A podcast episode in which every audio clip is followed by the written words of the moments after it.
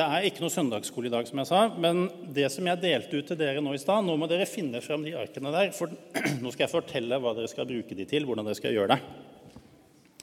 Nå ser dere det bildet som er på veggen her nå. Dere må sitte sånn at dere klarer å se de, for hvis ikke så går det ikke. Så dere må faktisk sitte et eller annet sted hvor dere klarer å se den hvite ringen som er der nede. Ser dere den? Der så står det nå 8 er lik B. Og på de arkene som dere har fått, så står det noen tall, og så er det noen plasser hvor man kan skrive inn hva de tallene skal være. Ser dere der? Det, dere har ikke åtte, da. Dere har 1, 2, 3, 4, 5, 6. I hvert fall hvis jeg har klart å dele ut de riktige arkene. Hvis ikke så går det gærent. Men det skal stå sånn 1, 2, 3, 4, 5, 6. Og så Underveis så vil det komme noen sånne sirkler, og så står det da f.eks. 1 er lik, og så en bokstav. Og Den bokstaven den må dere skrive da ved siden av tallet der oppe.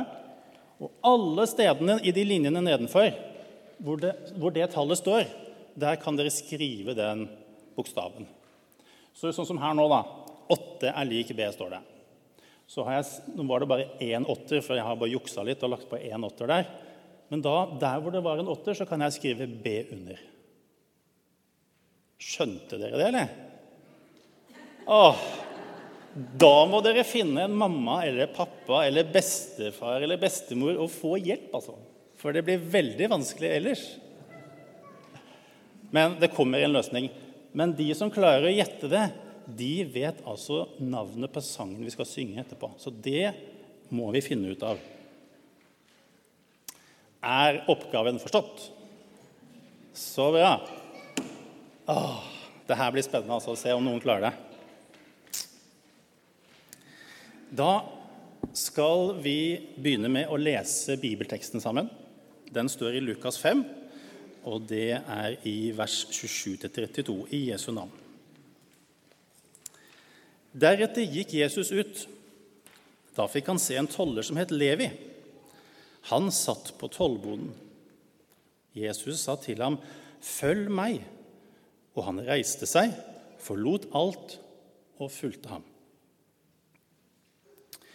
Levi holdt et stort selskap for ham hjemme hos seg, og en hel del tollere og andre var sammen med dem til bords.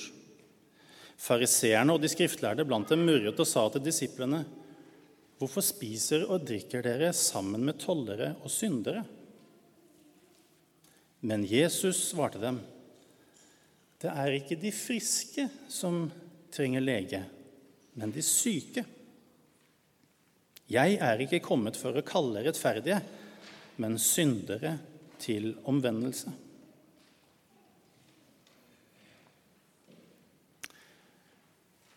Jesus han er nå i Kapernaum, i den byen hvor han bodde som voksen.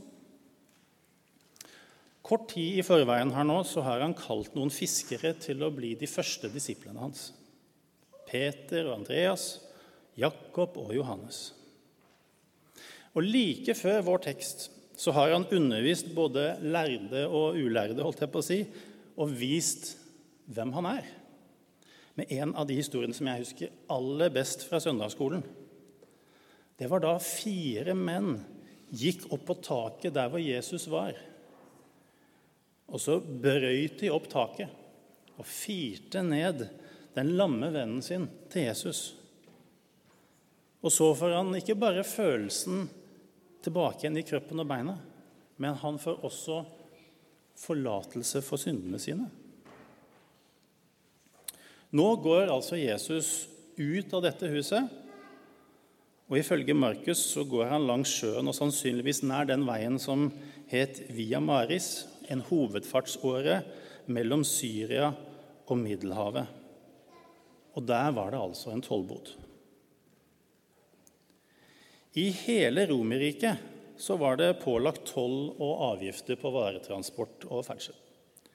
Den romerske keiseren han hadde delt området som kong Herodes den store styrte over i Midtøsten, opp i fire deler. og Der satt det noe som ble kalt en fjæringsfyrste over hver del altså fjæringfyrste, firedelsfyrste. Og Han som het Herodes Antipas, han styrte over Galilea og Perea, Og Ifølge en historiker som heter Josefus, så måtte han betale inn 200 talenter sølv til Roma årlig. Det høres jo ikke så mye ut. 200 talenter. Ifølge SNL så er én talent sølv det er derimot verdt 100 000 kroner. Så vi snakker altså om 20 millioner kroner som han skulle betale inn i inntekter til keiseren for dette området hvert år. Oppgaven med å kreve inn disse pengene, det var privatisert. Det ble forpakta bort til egne tjenestemenn. Vi hadde noe som het overtollere, som satt med ansvar for et større område. Vi kjenner én overtoller fra Bibelen. Han var veldig kort, og han het Sakkeus, ja. Og så hadde vi vanlige tollere, holdt jeg på å si, som faktisk satt rundt omkring og krevde inn pengene i tollbodene. Og en av dem, det var Matteus, eller Levi, som han står om i teksten her. Og så var det også kjent at det var ingen i det tollvesenet som var kjent for å være hederlige. De hadde ordentlig dårlig ord på seg. Det fungerte nesten som en sånn slags mafiavirksomhet. Den regulerte den, da hvor alle ledd tok litt til side og putta i sin egen lomme og tok inn altså mer toll enn det som var riktig. Og I tillegg så var de som var dette, de var altså jøder som gjorde det på vegne av okkupantene, romerne. For romerne hadde jo okkupert eh, Israel. Og Det gjorde også at resten av folket de så på disse tollerne som landsforrædere. Fariseerne så på tollerne også som syndere fordi de gjorde uhederlig arbeid. Og De ble regna som ureine. De kunne ikke komme inn i synagogene uten å rense seg. Og de fikk ikke engang lov til å være vitne i rettssaker fordi de ble regna som notoriske løgnere er ikke noe særlig rykte å ha på seg. Vi har ingen parallell til dette her nå i dag. Men det er ganske lett å se for seg at det er ikke så mange som ville skrytt av det når man kommer i festlig lag i familien. Nei, jeg driver med Jeg er toller. Det var ikke noe å skrive hjemme om. Det er to temaer jeg har lyst til at vi skal se på nærmere nå i dag ut ifra den teksten her. Og Det første det er å se på hvem er det Jesus egentlig kaller. Og det andre det er å se hvem er det Jesus kom for.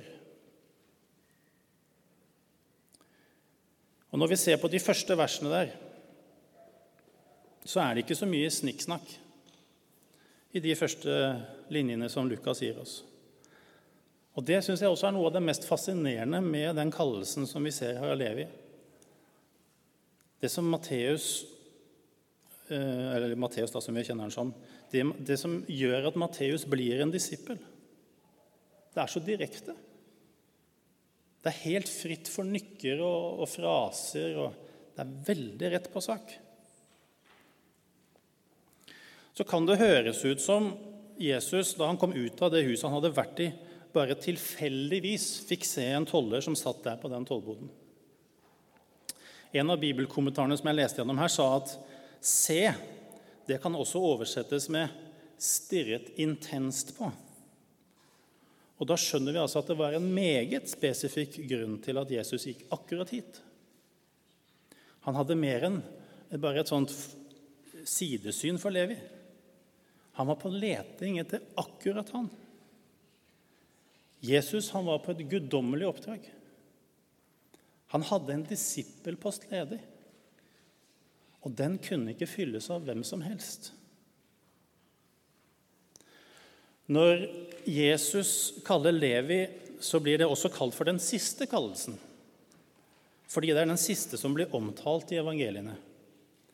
Kanskje var ikke alle de andre elleve på plass når vi leser dette her, men, for, for, vi hører jo ikke om når de andre ble kalt, alle sammen av de altså.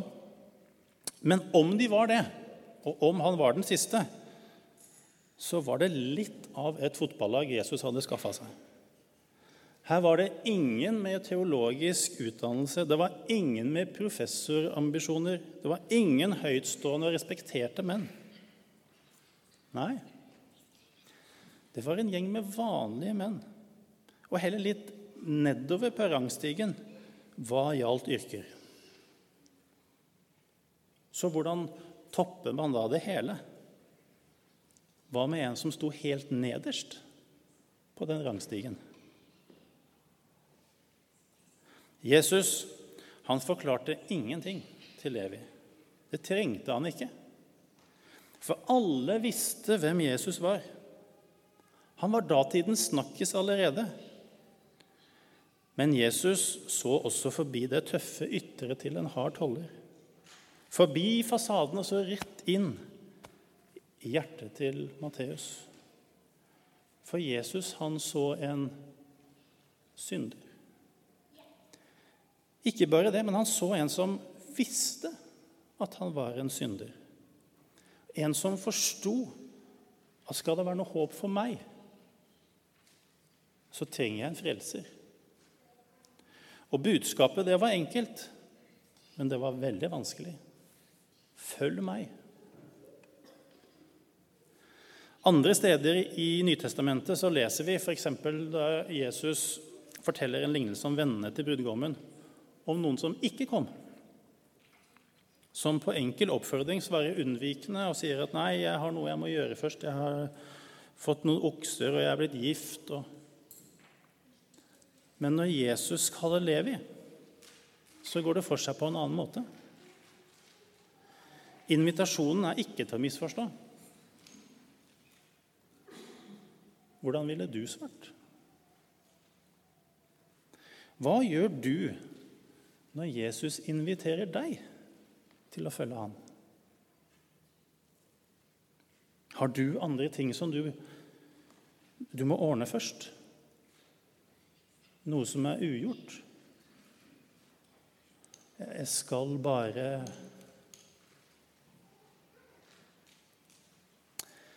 Levis liv, det var å samle inn penger. Mye penger, helt sikkert. Vi skjønner at han hadde et stort hus like nedenfor i teksten her.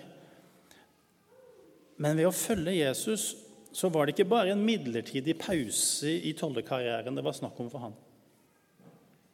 Nei, overtolleren han ville helt sikkert sette inn en ny toller på dagen. Og da var det slutt på all inntjening. Det var ikke noe snakk om noe deltidsstilling som toller på kveldstid og i helgene. Men Levi han reiste seg og forlot alt. Alt, står det. Det er vanskelig å se for seg noe mer forbilledlig enn det. Og for oss som er her i Norge, med så mye goder og støtteordninger, så er det nesten umulig å forstå, syns jeg, hvilket sprang det her var. Det var ingen vei tilbake. Men det aller viktigste var dette. Matteus tok imot Jesus med hele hjertet sitt. Tenk den forvandlingen som står i det ene verset der. Fra landsforræderstempel til Jesu apostel. Fra nederste trinn på rangstigen til en treårig intensiv bibelskole med mesteren selv. Hvis ikke det er en utrolig forvandling i livet, så vet ikke jeg. Det må ha vært litt av en festdag, og det er det vi leser om videre etterpå. Levi han holdt altså et stort selskap hjemme hos seg, og en hel del tollere og andre var sammen med dem til bords. Det var kanskje ikke så rart det her, at Matteus åpna opp huset sitt. Hadde åpent hus, alle venner inn. Det er et umiddelbart og det er et synlig tegn på hvilken forvandling som hadde skjedd i løpet av få sekunder i livet til Matteus. Og en hel del tollere, står det. Det, liksom, det, biter meg ikke skikkelig. Hva er liksom det? En hel del tollere. Så jeg prøvde å få hjelp av eh, AI. Det er jo så populært om dagen. Så jeg lage Jeg prøvde å google og få til en, eh, et bilde med prester som spiser sammen med en gjeng fra Hells Angels. Det ble det der, så jeg ble ikke så veldig fornøyd, for jeg syns ikke det, det, det ble liksom ikke noe. Men jeg begynte å tenke, prøve å tenke hva kunne vært en parallell. Et festmåltid med Bertil og resten av prestekollegiet vårt sammen med da en gjeng fra Hells Angels her oppe på, på Alnarud, i huset deres. Hva hadde vi tenkt da? Hadde du kanskje lurt på hva som foregikk? Fariseerne og de skriftlærde de var sjokkert, rett og slett. Ja, det, faktisk mer enn det. De var, de var sinte. For ingen jøde med respekt for seg selv ville spise sammen med sånne folk. Og Jesus han var jo en rabbi, han var jo en lærer. Men her ser vi altså evangelisme i praksis. Her legger Jesus og de andre disiplene alle fordommer alt det menneskeskapte av hindringer til side.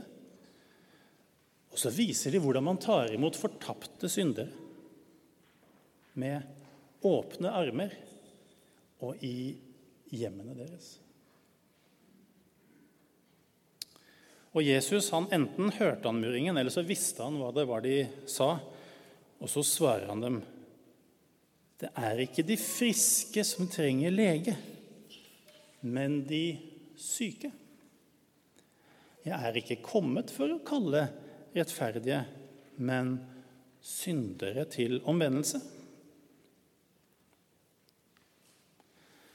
Det Jesus sier, det er ikke bare noe som virker innlysende, men det er også ironisk, og det tenderer over mot sarkasme. Det er ikke de friske som trenger lege, men de syke. Døde. For Jesus han stikker fingeren i problemet som de selv ikke kunne se. Fariseerne så på seg selv som friske. De fulgte jo lovens bokstav. De trengte ingen hjelp til å komme til noen himmel, de. De innså ikke sin egen selvrettferdighet, sin egen syndighet og sin egen sykdom.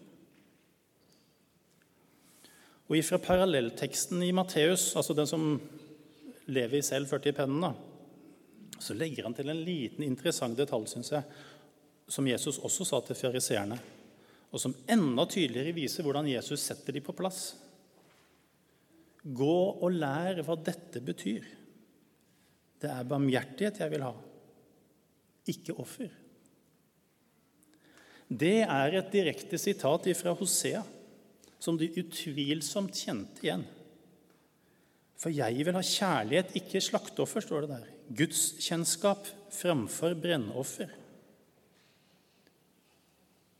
Så Jesus han legger sannelig ikke noe imellom. Han sier rett ut til dem at de svarer Gud feil. Dere legger frem slakteoffer og brennoffer, men dere har ikke Guds kjennskap sier han. Og jeg er ikke kommet for å kalle rettferdige, men syndere til omvendelse. Forrige søndag så talte Fredrik Smetana her over teksten i Matteus 11. Og Da sa han at Jesus kom ikke for de perfekte, for de som hadde alt på stell. Nei, Det er helt riktig. Jesus han har ikke kommet for den som har fylt opp hjertet sitt med seg selv og med sine egne gjerninger og sine egne ting. Og Da er det ikke plass der til Jesus. Det er ikke mulig å snu noen som ikke vil innrømme at de er på feil vei. For Jesus han kom altså for å omvende, sier han. Men for å kunne få livet omvendt og For meg så ser det ut som du nesten snur livet opp ned. Og For å få livet snudd opp ned av Jesus så trengs det en innrømmelse av egen synd. Levi var en sånn en. Vi har nettopp sett at han stelte jo i stand en stor fest. For hva? Fordi Jesus sa 'følg meg'. Han satt ikke lenger i tollboden. Han som hadde tømt lommene på de som kom forbi, han så ikke lenger etter hvordan han kunne utnytte situasjonen og få enda mer penger til egen fordel. Han hadde fått et annet mål i livet. Jesus kom for sånne som Levi. For Jesus, han kom for syndere. Jesus, han kom for sånne som meg. For Jesus kom for syndere. Jesus, han kom for sånne som deg. For Jesus kom for syndere. Alle syndere. Bare hør her hva Jesus sier til Timoteus i 1. Timoteus 1. Men vi vet at loven er god når vi bruker den rett, og forstår at loven ikke er bestemt for den rettferdige, men for lovbrytere og ulydige, ugudelige og syndere, spottere og gudsfornektere, og for dem som slår sin far og mor, for mordere, dem som driver hor, menn som ligger med menn, dem som driver med menneskehandel, løgnere, dem som sverger falskt, og alt annet som strider mot den sunne lære. Dette er i samsvar med evangeliet om herligheten hos Gud, den salige. Det evangeliet som er betrodd meg. Det er ikke med stolthet vi kan se på den oppramsingen som Paulus gir her, og si at ja, her hører jeg med. Paulus var ikke stolt av det, han heller. Han som hadde starta med å forfølge og bruke vold mot de kristne. Men han fikk se, og han fikk innrømme at 'jeg er en synder'. Og så skriver han litt seinere i samme kapittel. Det er et troverdig ord og vel verdt å ta imot at Kristus Jesus kom til verden for å frelse syndere, og blant dem er jeg den største. Men når jeg fikk barmhjertighet, var det for at Kristus Jesus skulle vise hele sin tålmodighet på meg som den første, til et forbilde for dem som senere skulle komme til tro på ham og få evig liv. Det er bare den som innrømmer sin egen synd, dere, som kan ta imot de livgivende ordene fra Jesus. For du er tilgitt, sier Jesus. Jeg har betalt alt, sier Jesus, for deg. Jeg håper du har kommet til den innrømmelsen for din egen del. Hvis ikke, så er det ikke for seint for deg heller. For du trenger ikke å prestere. Du skal ikke gjøre noe. Du skal bare åpne hjertet. Så skal du la Jesus slippe inn. Så vil han gjøre resten. Han har gjort alt. Og så er du fri av bare nåde.